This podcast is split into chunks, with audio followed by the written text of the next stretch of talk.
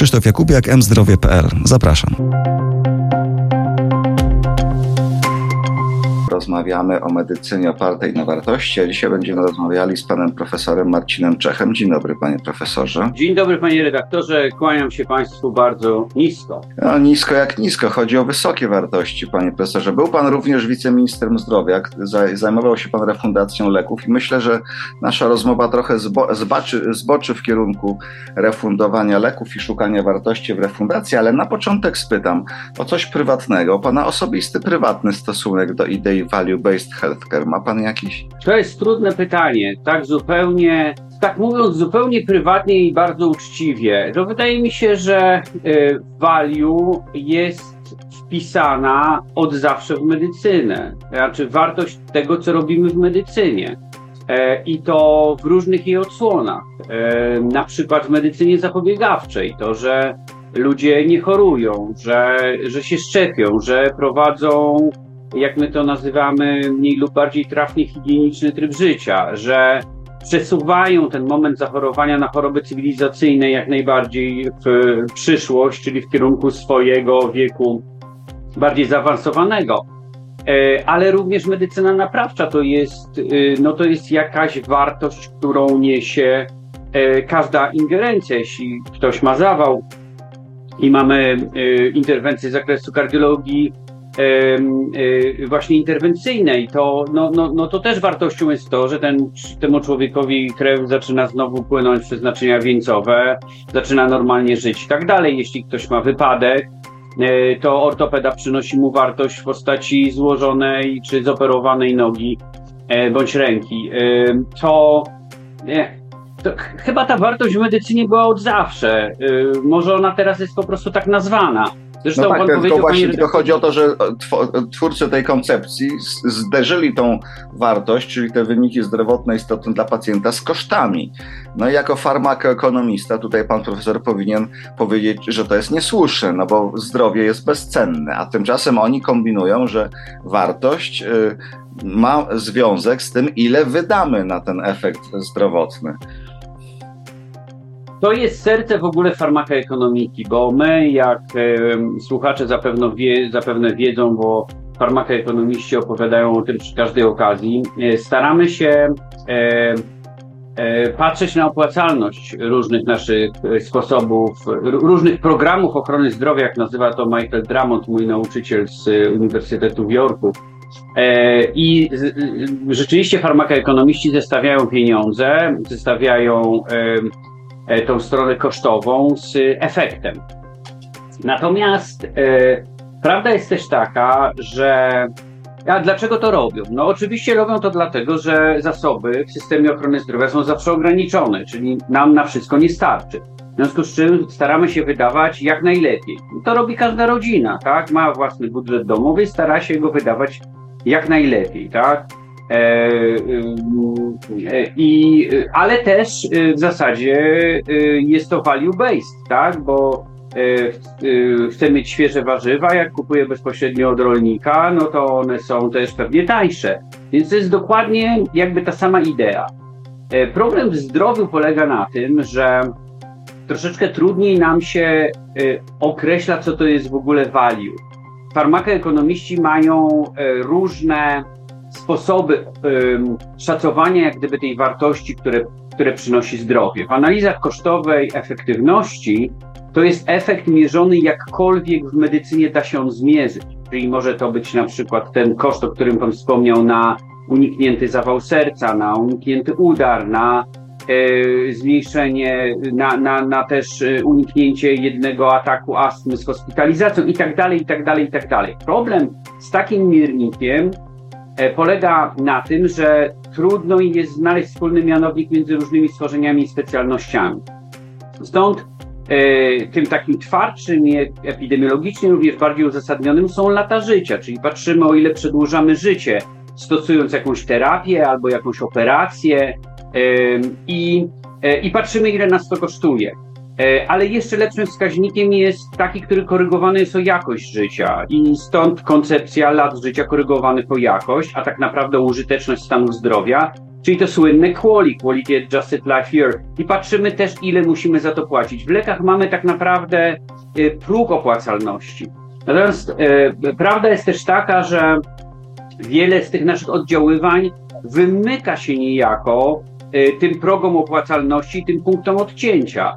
No bo i, I, tu pojawia się to, co pan redaktor mówił. Dla pana, jako dla lekarza, każde życie powinno być bezcenne. No, w tym sensie, dlatego też robimy wyjątki, tak? Nie mówimy, no, przepraszam, ale to jest nieopłacalne w warunkach polskiego, czy węgierskiego, czy wszystko jedno, jakiego systemu ochrony zdrowia, i no, ale no, niestety pan e, tego leczenia nie, nie otrzyma. My raczej, jeśli coś wpisujemy na tą tak zwaną naszą listę negatywną, E, no to jest albo to jest to ewidentnie jest bardzo słabe w sensie efektywności, albo no gdzieś tam jest na granicach medycyny, na przykład y, medycyna estetyczna, choć nie wypadkowa, tak? No właśnie, no i teraz idąc tym tokiem rozumowania, jak mówimy już o polityce lekowej, no to przychodzi y, taki czas, że trzeba ocenić, jaką wartość y, daje pacjentom nowa terapia. I e, mhm. przychodzi producent i mówi, że nowa terapia jest świetna, bo badania kliniczne to potwierdzają, ale kosztuje dużo pieniędzy. No i teraz e, co z tym zrobić? Jak tę wartość dostarczaną przez nowy lek zweryfikować i w jaki sposób dojść do decyzji, jaka powinna być cena? To nie jest prosta sprawa, nie? To jest bardzo trudna sprawa. Y, w ogóle zagadnienie pricingu, czyli ustalania cen, ustalania je, y, tych cen na różnych rynkach y, i to nie tylko tych cen, które są widoczne, ale również tych cen, co do których się umawiamy w instrumentach dzielenia ryzyka, które są poufne, no to jest cała sztuka. I o tym moglibyśmy zrobić nie jeden podcast, tylko dziesięć. Umawiamy się, e, bo... się ten jeden. E, mamy ten jeden. E, no, e, to, ten, to ustalenie wysokości ceny zależy od bardzo wielu czynników. Od tego, od tego, na ile jest innowacyjna ta terapia, na ile jest skuteczna, na ile jest bezpieczna, jak wygląda rynek konkurencyjny, w jakim kraju to jest robione, w której linii leczenia, czy jest alternatywa, czy nie ma i tak dalej, i tak dalej, i tak dalej. Więc nie ma jakby jednej odpowiedzi, nie ma recepty. To zawsze jest wypadkowa bardzo, bardzo wielu czynników. No tak, ale chyba najważniejsza jest, ale chyba najważniejsza, sorry, że przeszkadzam, ale najważniejsza no jest no. chyba ta kwestia skuteczności, czyli efektu dla pacjenta, no bo to w sumie przede wszystkim o to chodzi, prawda? Czy ten lek rzeczywiście pacjentowi pomaga? Jak to zmierzyć? W jakim stopniu on pacjentowi pomaga? Mhm. No możemy zmierzyć tymi miernikami, o których mówiłem. Przedłużeniem życia, e, przedłużeniem życia korygowanym o jakość, e, tymi efektami e, takimi, nie wiem, w cukrzycy, jak mamy odsunięte powikłania albo mniej tych powikłań i tak dalej. Tak jesteśmy w stanie zmierzyć wartość dla pacjenta i to się robi. Natomiast w samym systemie refundacji to my przybliżamy troszeczkę szacowanie tego efektu, biorąc badania kliniczne i używając ich do modeli farmakoekonomicznych, które potem e, symulują nam korektę przebiegu naturalnego choroby związaną z tym leczeniem, najczęściej do końca życia pacjenta. No i oczywiście jest to model matematyczny, więc on jest przybliżeniem. Tutaj e, uważny słuchacz już wyczuje, że to, co jest w badaniach klinicznych, to nie do końca jest to, co jest w życiu. W związku z czym, e, dlaczego? Zawsze mój promotor mówił, że e, czy, czytał takie e, z badań klinicznych kryteria wyłączenia i włączenia do badania, które były bardzo długą listą i mówił, jak Państwo wiecie, przychodnie rejonowe wypełnione są właśnie seniorami o tej charakterystyce. No bo to byli zdrowi staruszkowie, którzy byli w tych badaniach, w dodatku bardzo młodzi staruszkowie. E, I tak to mniej więcej wygląda w badaniach klinicznych bardzo wielu. Nie mamy tam kobiet w ciąży, a stosujemy leki u kobiet w ciąży, dodam. Nie mamy tam dzieci, a stosujemy leki u dzieci. Nie mamy ludzi z wielochorobowością, a większość ludzi ma wielochorobowość i tak dalej, i tak dalej, i tak dalej. Stąd bardzo, bardzo ważna i rosnąca rola badań, które określa się mianem Real World Evidence, czy tam Real World Data, jeśli zbieramy dane, i Real World Evidence, jeżeli mamy jakieś wnioski wyciągać z tych danych bo wtedy to się nam zamienia w konkretną wiedzę. I my mamy takie mechanizmy w naszym systemie, na przykład w funduszu medycznym. Nie widzieliśmy co prawda jeszcze, jak one działają, ale w teorii są zapisane. że jest obowiązek stworzenia rejestru, w którym to rejestrze zobaczymy, na ile te leki, które y, wrzuciliśmy do systemu refundacji, a nie przez, przez przypadek mówię o funduszu medycznym, bo te są najbardziej innowacyjne. Te dostają najszybciej decyzję o refundacji. Czytaj, to są decyzje z największym ryzykiem dla płatnika, e, że ta obietnica się rzeczywiście spełni.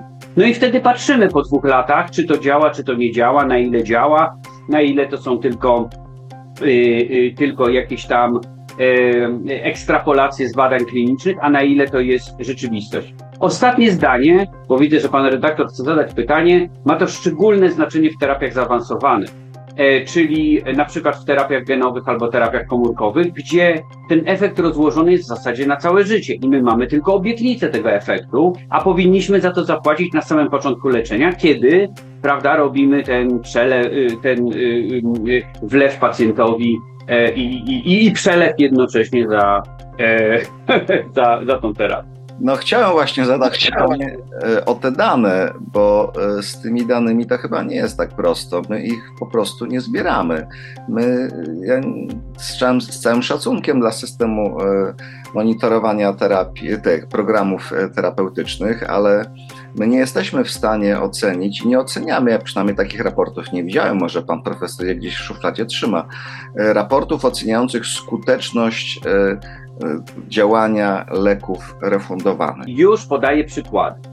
E, jak pan e, redaktor napisze e, rdzeniowy zanik mięśni po angielsku i moje nazwisko, albo nazwisko pani profesor Kostery Pruszczyk, to wyskoczy panu artykuł, który ukazał się przed miesiącem, mniej więcej, w międzynarodowym czasopiśmie, gdzie patrzymy, jak działa program lekowy z Nusinersenem przez 4 lata.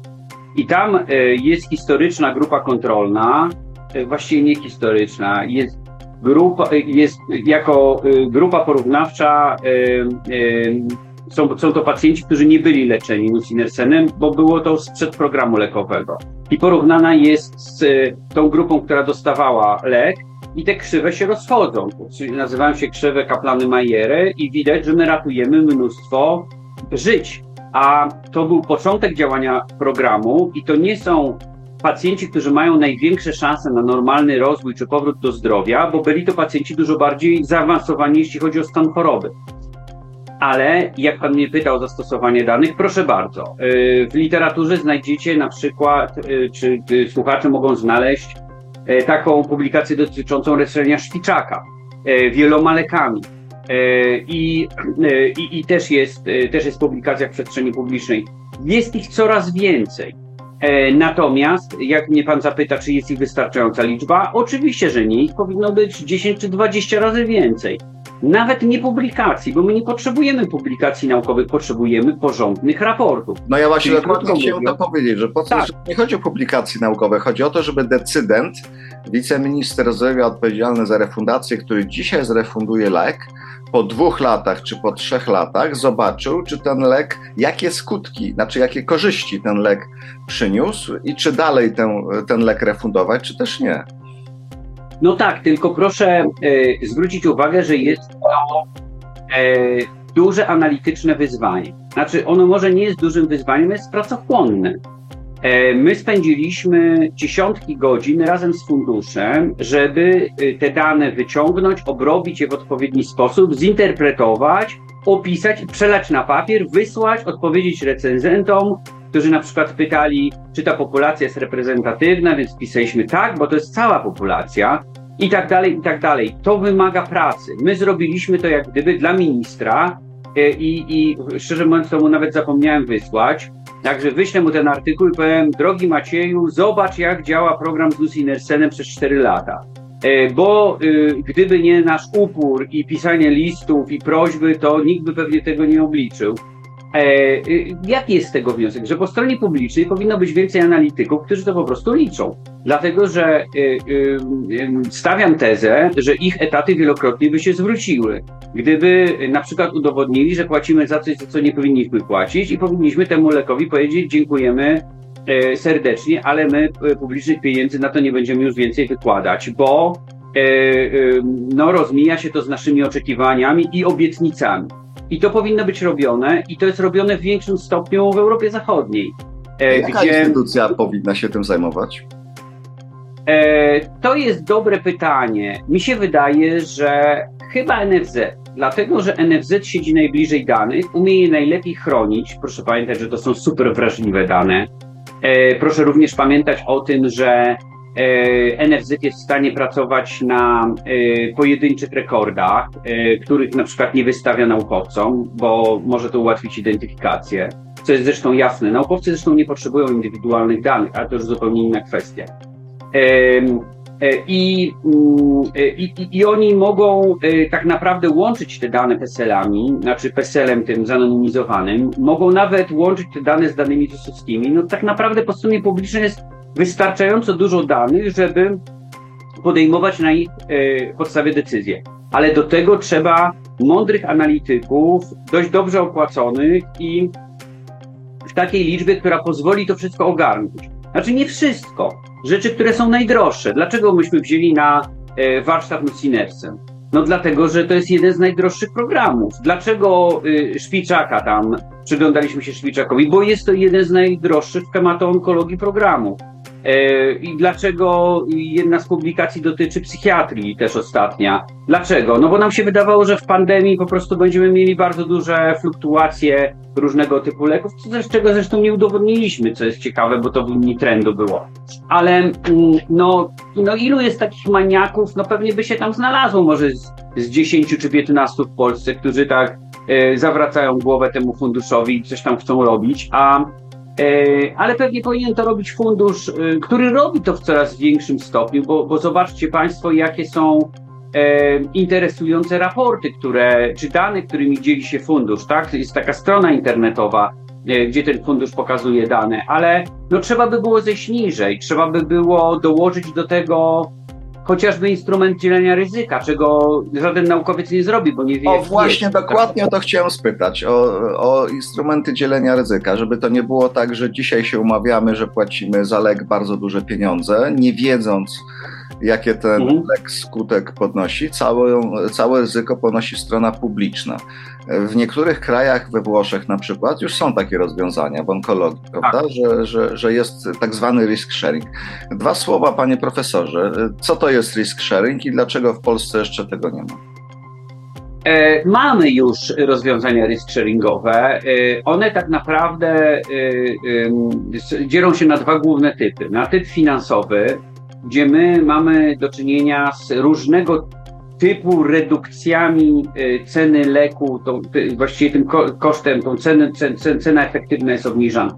W różny sposób. Ona może być obniżana proporcjonalnie, może być obniżana e, rosnąco, malejąco, mogą być e, bezpłatne na przykład przy cykle leczenia w onkologii, a potem płatne, albo na przykład bezpłatne, a jeśli ten lek nie zadziała, no to nie ma następnych bardzo różnie, ba, bardzo różne postaci mają. Natomiast to, o czym mówi pan y, redaktor, to są y, tak zwane Outcomes-Based Risk Sharing Agreements, czyli takie, gdzie patrzymy na efekty zdrowotne i umawiamy się z płatnikiem, ok, jeśli ten efekt wystąpi, to strona publiczna za to zapłaci z pieniędzy.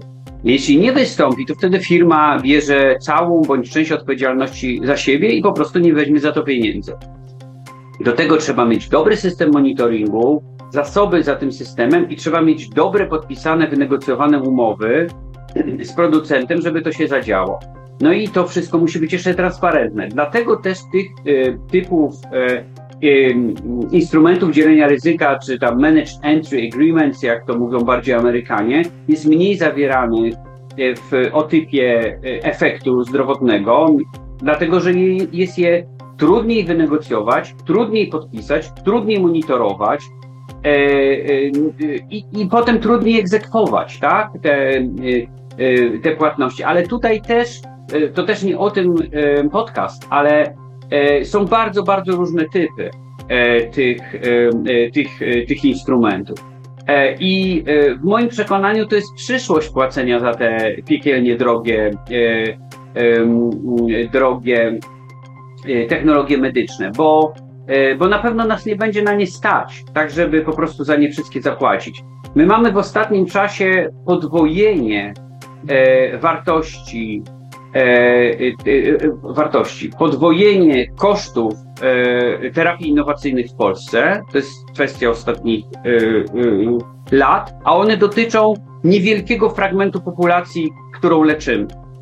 I śmiem twierdzić, że żadnego kraju nie stać na to, żeby ten system utrzymać bez instrumentów dzielenia ryzyka.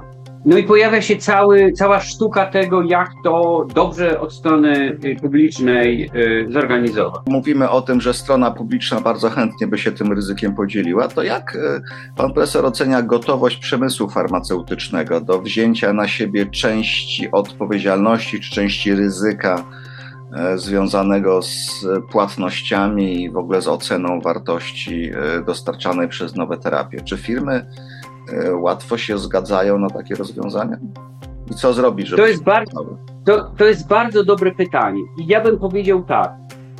To zależy od firmy, terapii i, e, i, e, zna, i mocy danych, które posiadają, e, jeśli chodzi o e, dowody na e, skuteczność i bezpieczeństwo swojego produktu bo znajdziecie Państwo firmy, które będą niesłychanie elastyczne w szyciu instrumentów dzielenia ryzyka.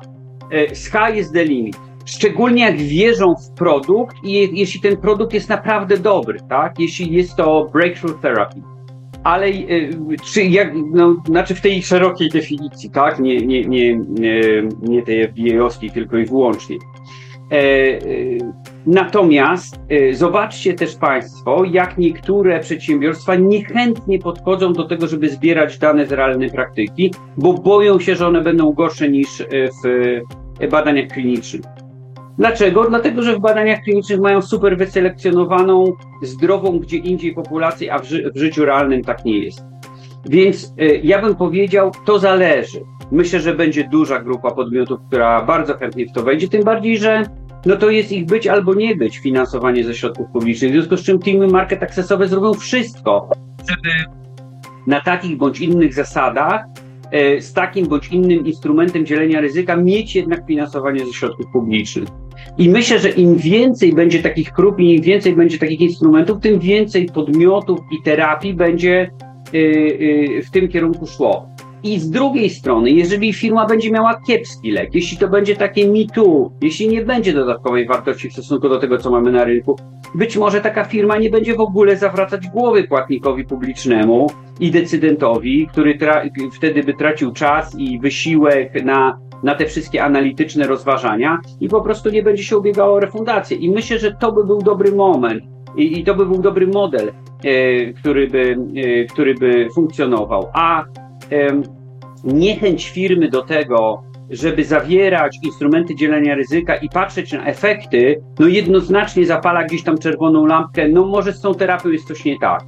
E, więc e, ja myślę, że e, jak więcej mielibyśmy aktywności tego typu, to służyłoby to wszystkim, a przede wszystkim pacjentowi i, i wnosiłoby dodatkową wartość dla systemu i dla tego samego pacjenta. O tym dzisiaj był podcast. Czyli jednymi słowy, ta filozofia oparcia się o wartość, mierzoną wartość e, dostarczaną dla pacjenta może pomóc również w podnoszeniu efektywności polityki refundacyjnej.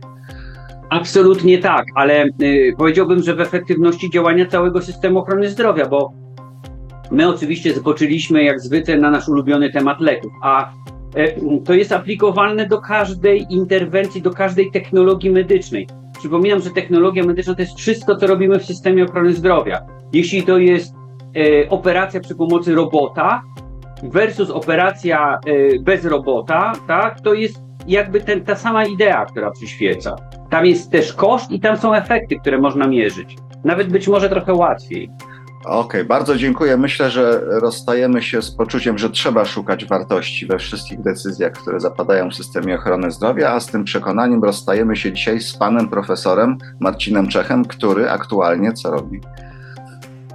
Który aktualnie przygotowuje się do wyjazdu do Krakowa na konferencję dotyczącą HTA i rehabilituje swoją rękę e, po przyszytym bicepsie. Tutaj mogę nawet zaprezentować, bo jesteśmy na wideo podłączeni i ja dostałem wartość od ortopedów, bo mam przyszyty dwugłowy mięsień ramienia e, i mogę go rehabilitować i mam nadzieję, że odzyskam pełną sprawność. Czyli w poszukiwaniu wartości wszyscy w systemie ochrony zdrowia krążą. Bardzo dziękuję za rozmowę. Dziękuję bardzo. Dziękujemy, do usłyszenia. Do usłyszenia.